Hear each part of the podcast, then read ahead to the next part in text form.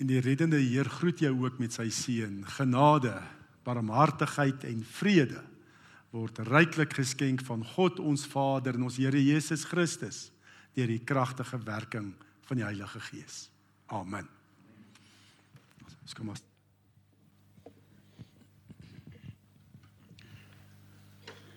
Kom ons maak toe die oë. Here, ons kom nou weer voor U as gemeente, Here, en ons roep U naam aan. Here, ons wil dankie sê, Here, vir daar waar U ingetree het, Here. Daar waar U besig is met die met die werk, Here. Ons dink aan Natasha en Amalanda. Ehm, um, hulle besig is met herstel. Al wat ook ehm um, wat ook uit die hospitaal is uiteindelik, Here. Here, ons weet U het 'n plan met hulle, Here, en U stap hier pad saam. Here, daar is ook ehm um, daar's ook ander, ek dink aan Andri, ek dink aan Chantel. Here, u u speel so groot rol, Here, en u doen dit in 'n klomp plekke wat ons ook nie eens van weet nie, Here. Dankie, Here, dat u ons so lei, Here. Here, en dat ons u instrument kan wees, Here. 'n Instrument, Here, wat u is in staan en autoriteit, Here. Ons is 'n gemeente gesalf genesing bevryding, Here, om omgee gemeente. Here, en ons ook in daai rol wat ons nou Here, u aanroep, Here, en u vra, en aanhou vra, swit u sê ons moet, Here. Selfs daar was nie dadelik iets sien gebeur nie. Here, ek dink aan Chris Peel, ek dink aan Hanlie Nel wat ook in herstel is, Here, maar maar waar hulle nog baie siek is, Here. Ons weet u het 'n plan met hulle. Here, vra dat u naby by hulle gevoel sal word, Here, dat tasbaar sal wees dat hulle weet dat hulle in u arms is. Here, ons vra vir herstel, Here.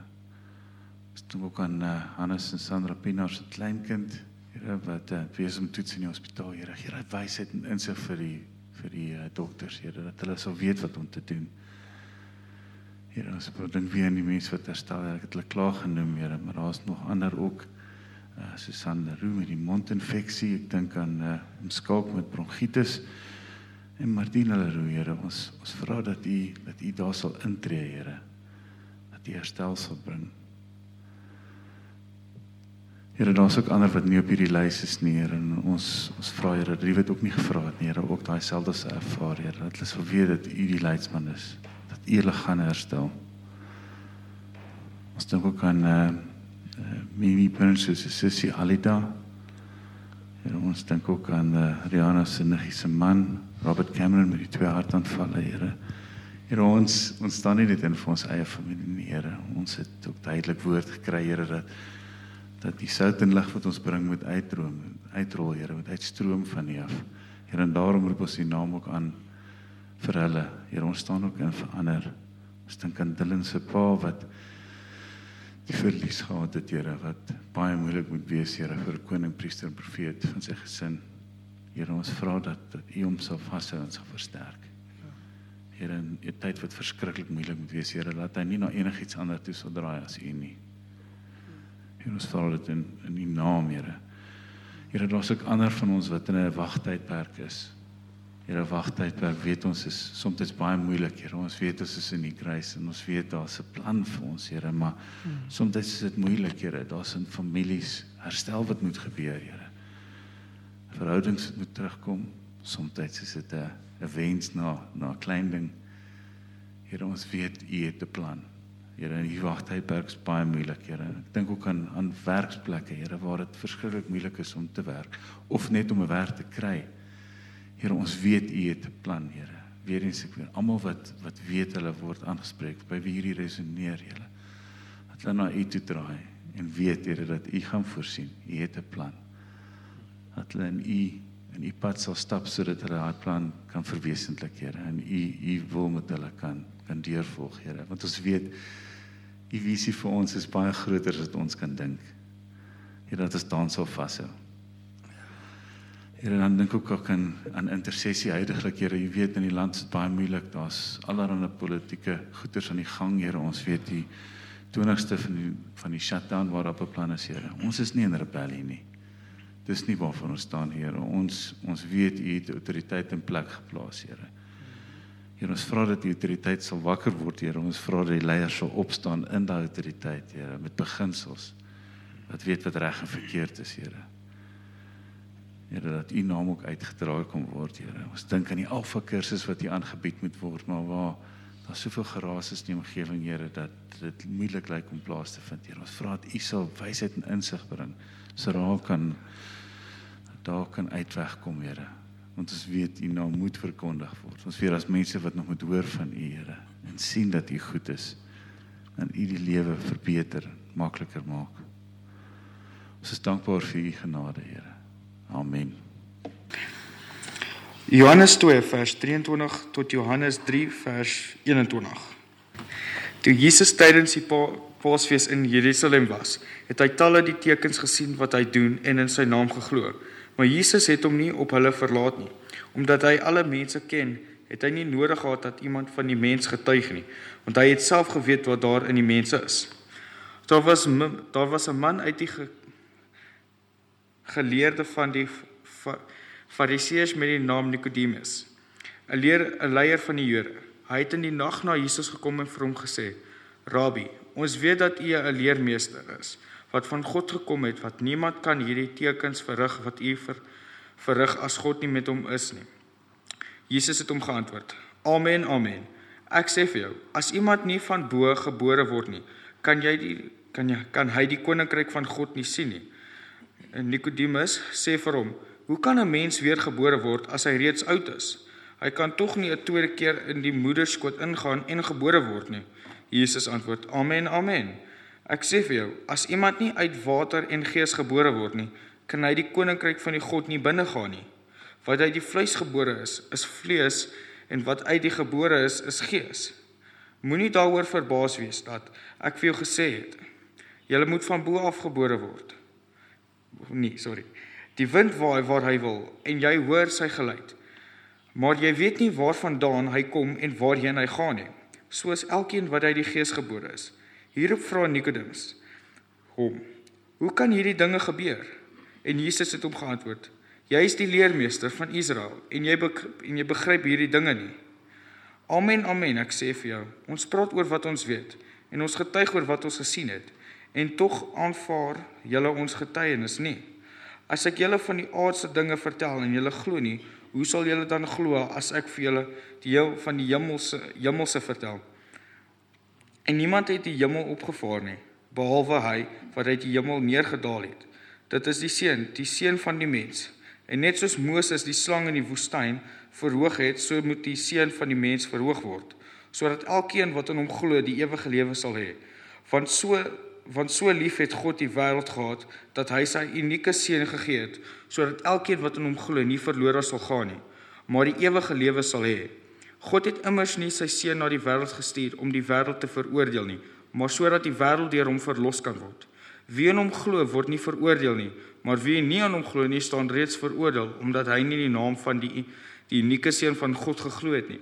En dit is die oordeel. Die lig het in die wêreld gekom, maar die mense het die duisternis liefgehad bo die lig omdat hulle dade bose was want elkeen wat kwaad gedoen het die lig en kom nie na die lig nie sodat sy dade nie aan die die kaak gestel kan word nie. Maar wie volgens die waarheid leef kom na die lig sodat sy dade bekend kan word dat hulle in God gedoen is. Ja die gedeelte wat Nico gelees het ek gaan fokus op Johannes 3 verse 1 tot 8 Nou ehm um, In die kerk kry mens baie keer te doen met onvoldoende Christelike weet in aanhalingstekens Christelike gelowe. Nê, nee, wat onvoldoende is wat jou wat jou nie in staat stel om gered te word nie. Ek kan maar 'n paar noem.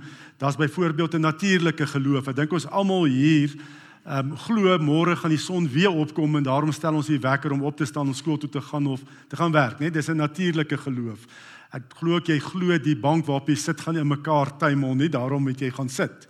Nê, nee, dit is 'n natuurlike geloof. Dan is daar ook 'n historiese geloof, nê? Nee, dat jy glo seker historiese feite en Bybelse waarhede. Jy glo Jesus was daar gewees en uh, dat die beginsels in die Bybel is reg en goed. Nê? Nee, maar dit is dis nog nie dat jou red nie. Um ek, ek onthou uh, toe ek in die weermag was, was daar 'n bevelvoerder Hy was ateïs, maar hy het sy kinders 'n uh, uh, Sondagskool toe gevat. Want hy sê um, hy weet die regte beginsels word vir die kinders geleer daar, maar is nie dat hy glo nie. Nê? Nee, dit is dis daai tipe van 'n historiese geloof. Dan kry jy natuurlik 'n geloof wat hierso aan die einde van 'n kwartaal of die einde van 'n wanneer eksamen tyd is, nê, nee, dan is dit 'n baie sterk geloof. En dit is die tydelike geloof veral onder ons skoolleerlinge en die studente. Nes daai geloof wat jy het in eksamentyd en wat jy skielik begin bid en vra dat die Here moet dit wat jy nie gedoen het nie, skielik met jou kop moet kom en so. Ehm um, net dis daai wanneer nood druk, dan bid ek erg. Maar as dit weer goed gaan, dan is dit nou maar weer, dan word dit weer op die agtergrond geskuif daarmee nou maar nou daarmee saam wil ek noem die spaarwiel geloof. Nê? Nee? Ehm um, ek dink niemand van ons wil op vakansie gaan sonder 'n spaarwiel nie, maar jy hoop ook nie jy gaan jou spaarwiel nodig kry nie. En so leef ons ook baie keer met God. Nê? Nee? Ehm um, ek wil nie sonder die Here wees nie, maar ek hoop ook nie ek kry hom nodig nie. En wanneer kry ek hom nodig? Wanneer daar 'n krisis is. 'n Spaarwiel geloof. Anders is God maar eintlik daar agter, nê, nee, in die in die bagasiebak. En dan as daar nood is, dan gryp ek hom, haal ek hom uit om my te help, as ek dit so kan stel. Jy kry ook dan 'n geloof wat wat ehm um, Jesus spesifiek hier aanspreek in hierdie skrifgedeelte is 'n wonder wonderwerk geloof. Mense glo want daar het 'n wonderwerk plaasgevind.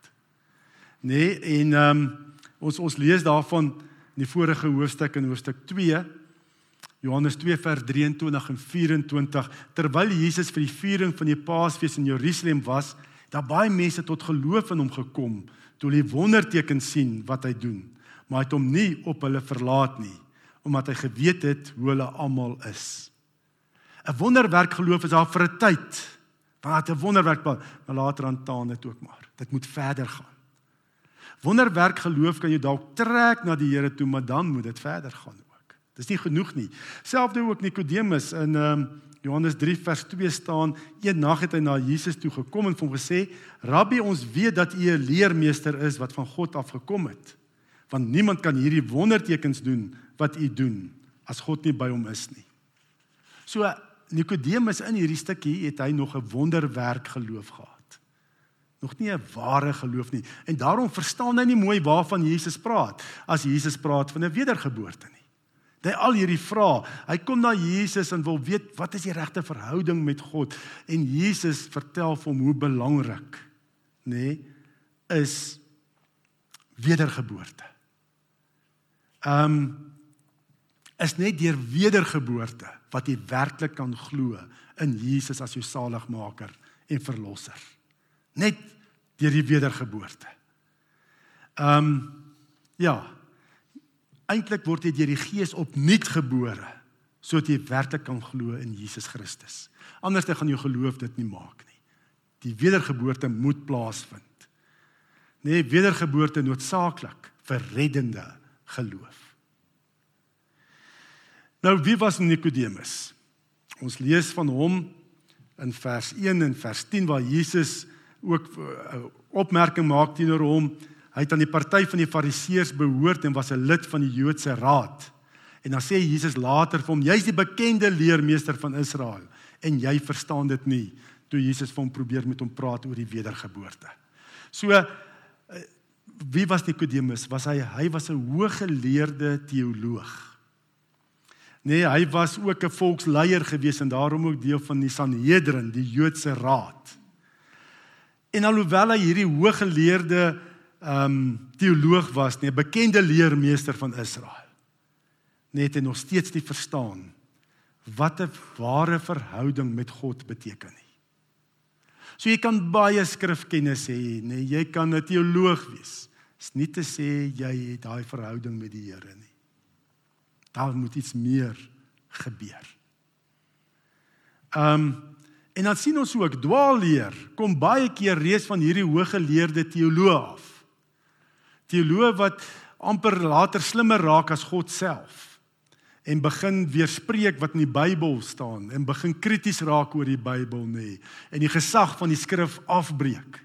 Teoloog ons het gesien reg deur die kerkgeskiedenis ook dwaalleer het nie kom gewoonlik van die teoloog af nie van gewone kinders van die Here nou sê ek gewone kinders almal is gewone kinders van die Here nie maar die lidmaat die, die dwaalleer kom nie van die lidmate af is baie keer van die teoloog reeds af kom die dwaalleer. Soos wat dit nou hierso gebeur het met die Fariseërs, die Sanhedrin. Ehm um, ek onthou jare terug toe ek nog op 'n teologiese skool was, het ons en nog twee ander teologiese skole bymekaar gekom om oor dinge te praat oor skrifgesag. En die een teologiese skool het gesê as jy 'n teoloog is, nê, as jy as 'n wetenskaplike artikel skryf as teoloog, dan mag jy nê die skrifgesag bevraagteken. Dan kan jy krities wees. Maar as jy preek, moet jy preek asof die Bybel die gesagvolle woord van God is. Hoe kan jy in so dualisme lewe? Verstaan jy? En dit word geleer op 'n teologiese skool. Ons weet vandag ook dat daar's baie liberale teologiese skole waar die teoloë so slim raak en dit wat die Here verbied sê nee, dit tel nie meer vir vandag nie. Dis maar daai ou dae gewees, nê? En ons weet oor die sake van homoseksualisme en al daai ding, hoe dit bevraagteken word deur teoloë. En sê maar dit is nie vir vandag nie. Baie liberale teoloë en teologiese skole selfs. So dwaalleer kom baie keer die meeste kere van die teoloë af, die hooggeleerdes. En net so ook in daai tyd van Jesus toe hy opgetree het op aarde, was dit hierdie fariseërs, die skrifgeleerdes, die Sanhedrin wat die volk mislei het en dwaalleer verkondig het. Hulle was getrou aan die wet.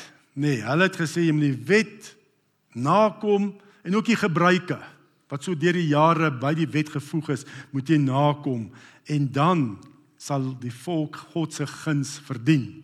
Nou daai tyd het die Romeine die Jode onderdruk, het hulle oorheers.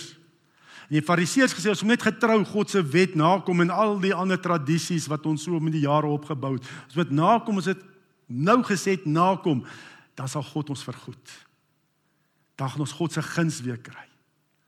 En dan gaan God vir ons 'n Messias gee, 'n aardse verlosser wat die Romeinse oorheersing gaan afskud.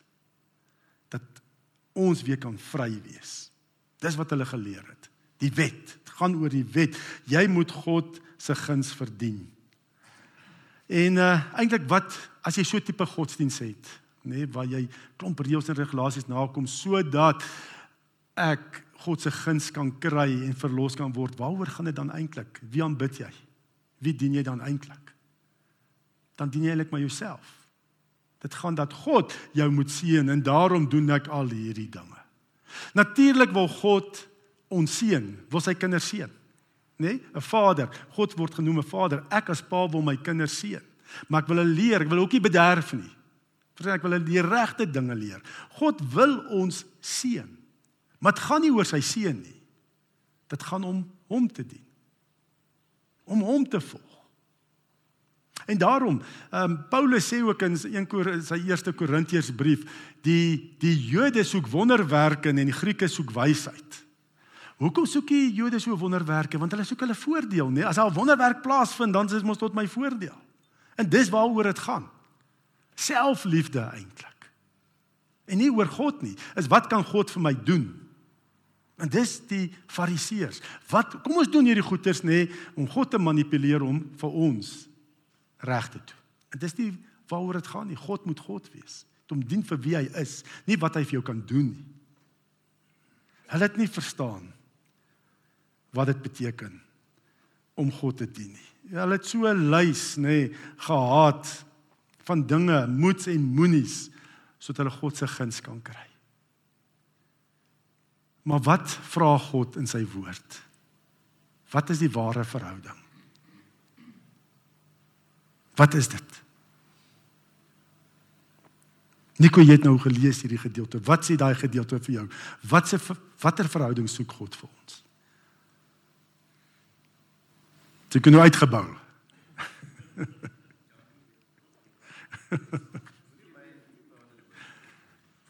Wat soek die Here? Nee, as jy dit dink, Wian moenie so agter Jan Roo wegkry nie. jy moet glo in hom en wat beteken dit? Wat glo jy van die Here? Dat hy wedergeboorte en dat hy jou liefhet. Dis die regte verhouding met die Here. Nee, hy soek 'n vader-kind verhouding wat gebou is op liefde. Dis wat God se wet. Hoeveel keer lees ons dit? Dis die samevatting van God se wet. Hulle het dit verdraai as reëls, moets en moenies om God se gunste te verdien. Dit is nie waaroor dit gaan nie. Dis hoe om jou liefde teenoor God uit te lewe.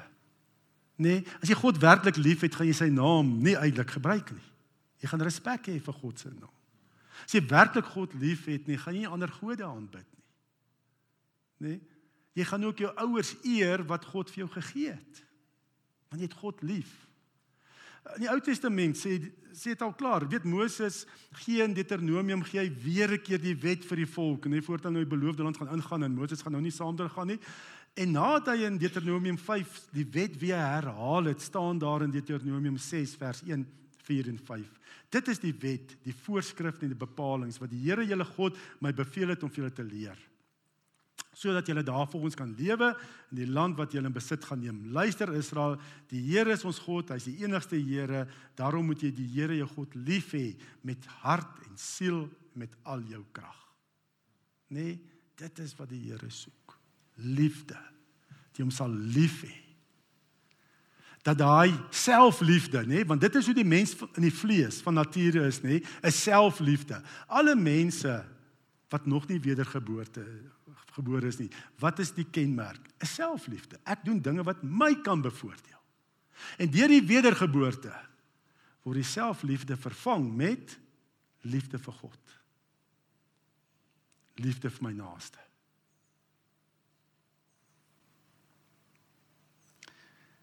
En daarom die Jode wat so hulle self eintlik wou gedien het deur hulle uiterlike wetsonderhouding. Um Jesus beskryf hulle as volg. Matteus 23 vers 23 tot 28. Elende wag vir julle skrifgeleerdes en fariseërs, huigelaars. Julle gee tiendes van kruisement, anys en koriander, maar wat vir ons die wet van God die swaarste weeg laat julle na geregtigheid, barmhartigheid en betroubaarheid. Julle soos wit geverfde grafte wat van buite mooi lyk, maar daar binne vol doodsbene en allerlei onsuiverhede is. So is julle ook, van buite lyk julle vir mense vroom, maar van binne is julle vol huigelary in minagting van die wet. So wat behels 'n ware verhouding met die Here, ware geloof. En dan sê Jesus Johannes 3 vers 3 tot 5. Dit verseker ek jou, as iemand nie opnuut gebore word nie, kan hy die koninkryk van God nie sien nie. Wedergeboorte is so uiters kardinaal noodsaaklik. Nou kan mens ook verstaan Nikodemus verstaan dit nou ook nie. Hy vra hom toe: "Hoe kan 'n mens gebore word as hy 'n ou man is? Hy kan tog nie 'n tweede keer in die moeder se skoot kom en gebore word nie." En dan verduidelik Jesus het geantwoord: "As iemand nie uit water en gees gebore word nie, kan hy nie in die koninkryk van God kom nie." So Jesus gee hier twee vereistes om gered te word, om deel van God se koninkryk te wees. Twee vereistes. Jy moet eers uit water gebore word. En wat is dit? Die watergeboorte. Die? Nee. Nee. Watergeboorte. Ek weet baie mense, nê, nee, sê watergeboorte is jou waterdoop, nê. Nee. En dan uh, die gees is die wedergeboorte. Watergeboorte jou fisiese geboorte. Nee, dit is jou fisiese. Ek sal nou sê ook want hy verklaar dit ook nog verder. Jy moet om deel van God se koninkryk om gered te word, moet eers 'n mens word. Nee? Dit is 'n watergeboorte. Nee? Ehm um, jy moet eers 'n mens word. Dit is outomaties. Maar dan moet 'n tweede geboorte plaasvind. En dis die geestelike geboorte. Die wedergeboorte. Want hy hy sê in vers 6 wat dit die mens gebore is, nê? Nee? Die watergeboorte is mens. En wat uit die gees gebore is, is gees. So jy moet eers 'n mens word. Mense word gered en dan moet daar ook 'n geestelike geboorte plaasvind. 'n Wedergeboorte moet plaasvind. Ehm um, en die Heilige Gees maak ons deur ons wedergeboorte maak hy ons gees. Jy word geestelik weer lewendig. En as die Here se wil is, wil ek volgende Sondag 'n preek oor die Samaritaanse vrou waar Jesus ook vir haar sê in ehm um, Johannes 4 vers 24 God is gees en die wat hom aanbid moet hom deur die gees en in waarheid aanbid. Jy kan God nie uit jou vlees aanbid nie. Jy sal nie God uit jou eie lief kan hê want jou selfliefde, jou vlees is te sterk. Die Heilige Gees moet jou gees maak. Nê, nee, in hierdie uh, Griekse woord praat van en behels, dit stel jou in staat as jy gees is, stel dit jou in staat om 'n verhouding met die Here te hê, want God is gees en ons kan hom slegs in gees en waarheid aanbid. So my gees moet lewendig gemaak word dat ek weer 'n verhouding met die Here kan hê. Soos Adam en Eva voor die sonde val. Hierdie gees is die vermoë om 'n band of verhouding met God te kan hê. Jy sal God nie uit jou vlees kan lief hê nie. Jou selfliefde is te groot. God sal moet ingryp en hy selfliefde wegvat en jou gees maak. Dat God se liefde deur jou kan vloei. Want jy kan nie vir die Here gee wat hy nie eers vir jou gegee het nie. Uit jouself kan jy God nie lief hê nie. Kyk maar na die wêreld, die koerante, waarvan praat dit? Dit is alles eie belang, eie liefde. Dis waaroor elkeen soek net sy eie voordeel. Ek sal doodmaak, ek sal steel, ek sal enigiets doen net om my eie vleeslike begeertes te bevredig, sal verkrag en al daai goeters nie. Lees die Koran, dan sien jy wat is die vlees. Hoe die mens is, sy selfliefde is. En hoe dit jou heeltemal kan meesleer. God moet daai met jou gees maak dat sy liefde deur jou wedergebore gees deur jou kan vloei. Net sy liefde in Christus, want dit word gebou ook. Daai band is herstel deur Christus se kruisiging dat God se liefde deur jou kan vloei. Jy kan teruggee aan God en kan uitdeel aan jou naaste wat geskaap is na God se beeld. God moet dit kom verander. Hy moet jou gees maak. Ja, hy vermoë gee weer om 'n band met hom te hê.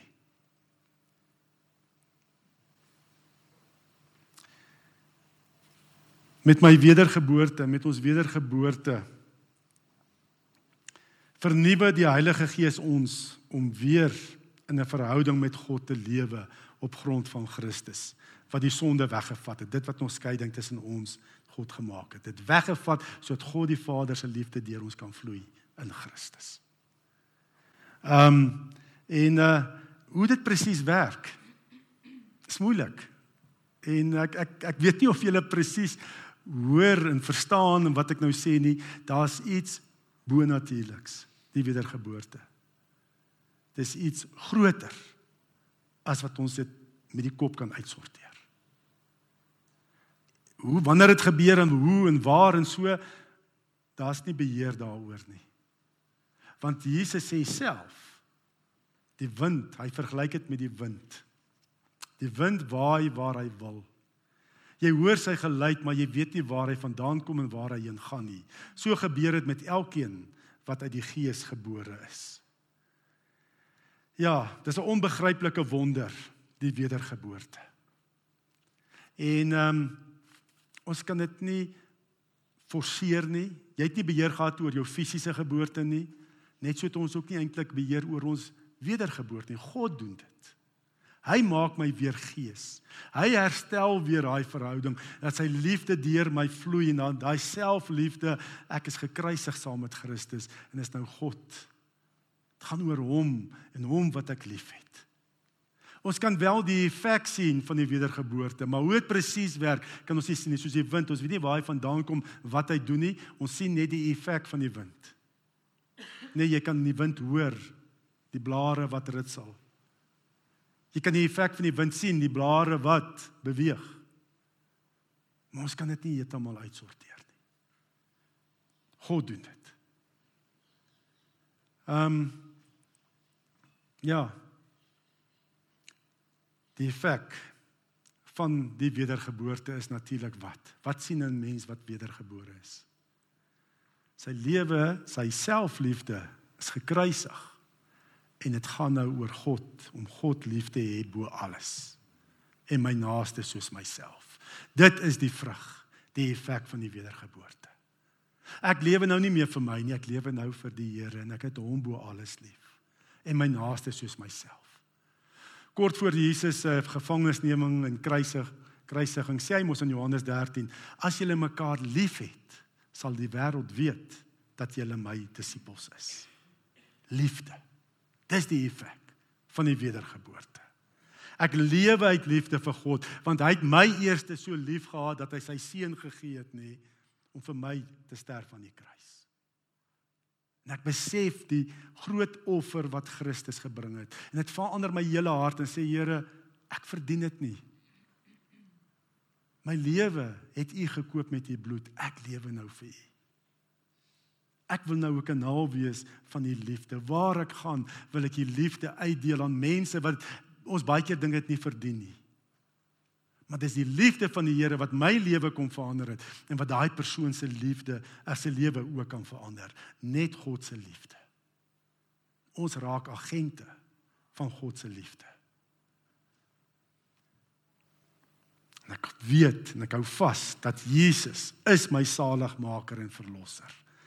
Het sy liefde aan die kruis gesien.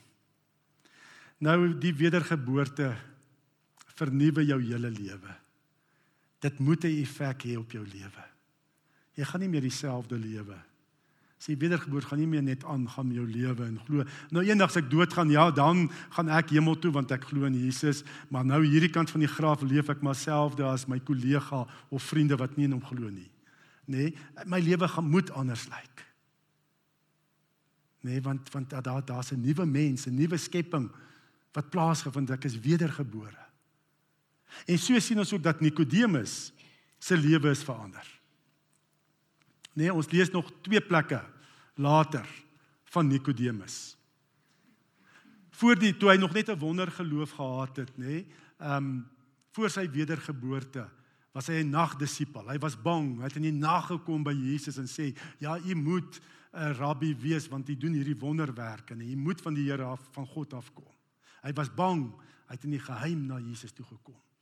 Maar dan lees ons later toe die Sanhedrin beplan het om Jesus gevange te neem en dood te maak nê, dan staan hy in die openbaar op en hy staan op vir Jesus. Ons lees daarvan in ehm um, Johannes 7 vers 50 en 51. Nikodemus wat voorheen na Jesus toe gekom het en wat een van hulle was, sê toe vir hulle, dis nou die Sanhedrin nê. Volgens ons wet kan ons mos nie sommer iemand veroordeel sonder om eers sy kant van die saak te hoor en vas te stel wat hy doen nie. En dan ook laat Ons lees ook later in Johannes 19 van Nikodemus waar hy en Josef van Arimatea um, gevra het dat hulle Jesus se liggaam kan kry en hy het 'n klomp speserye gekoop vir Jesus se begrafnis. Om Jesus se liggaam uh te kon balsam vir die begrafnis. En daar was ons moet verstaan, daar was regtig groot gevaar gewees vir hom om op te staan in die openbaar op te staan vir die Here en te bely. Die eerste ding is hy sou uit die Sanhedrin, uit die sinagoges verban word. Nee, dit is wat hulle besluit het. Christene mag nie meer in die sinagoges kom nie en die kans is goed hulle hom ook sou verban het en hy kon selfs doodgaan want hulle het later die Christene vervolg en ook doodgemaak. So as 'n prys om te betaal. So ons kan ook nie langer weer is ons bereid om daai prys te betaal. Ons kan nie langer nagdisippels, geheime agente van Jesus wees nie. Ons moet in die wêreld getuig. Dit is 'n effek, 'n vrug van die wedergeboorte, van ware geloof in Jesus as jou saligmaker en redder. Net dat jy opstaan en jy getuig waar jy gaan. Um by die werk, by die skool, tussen vriende, by die sport, oral. Dat ons sal getuig. Want Paasfees se doel is dat ons sal getuig Jesus lewe. Want dit is mos uit opgestaan. Hy lewe en hy lewe vandag in my hart in my lewe. Paulus sê, ek leef nie meer nie, maar Christus leef in my. En mag dit uitstraal. Ons liggame is eintlik net 'n houer, nê, nee, 'n aardse houer waarin ons waar Christus beweeg. Ons is sy hande en sy voete hier op aarde. En mag hierdie ehm um, kruisiging en opstanding van Christus mag dit ons aanvuur om voluit te lewe vir die Here, om openlik te getuig van die hoop wat ons het dat Jesus Christus is die koning het al die mag in die hemel op die aarde is jou redder en ons saligmaker. Kom ons bid saam. Here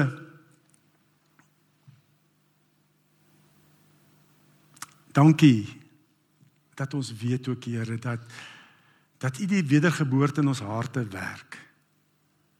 En dat U ons vernuwe in ons diepste wese. Here dat ons soos Christus lyk in ons gees. Dat die ou dinge is verby, die nuwe het gekom.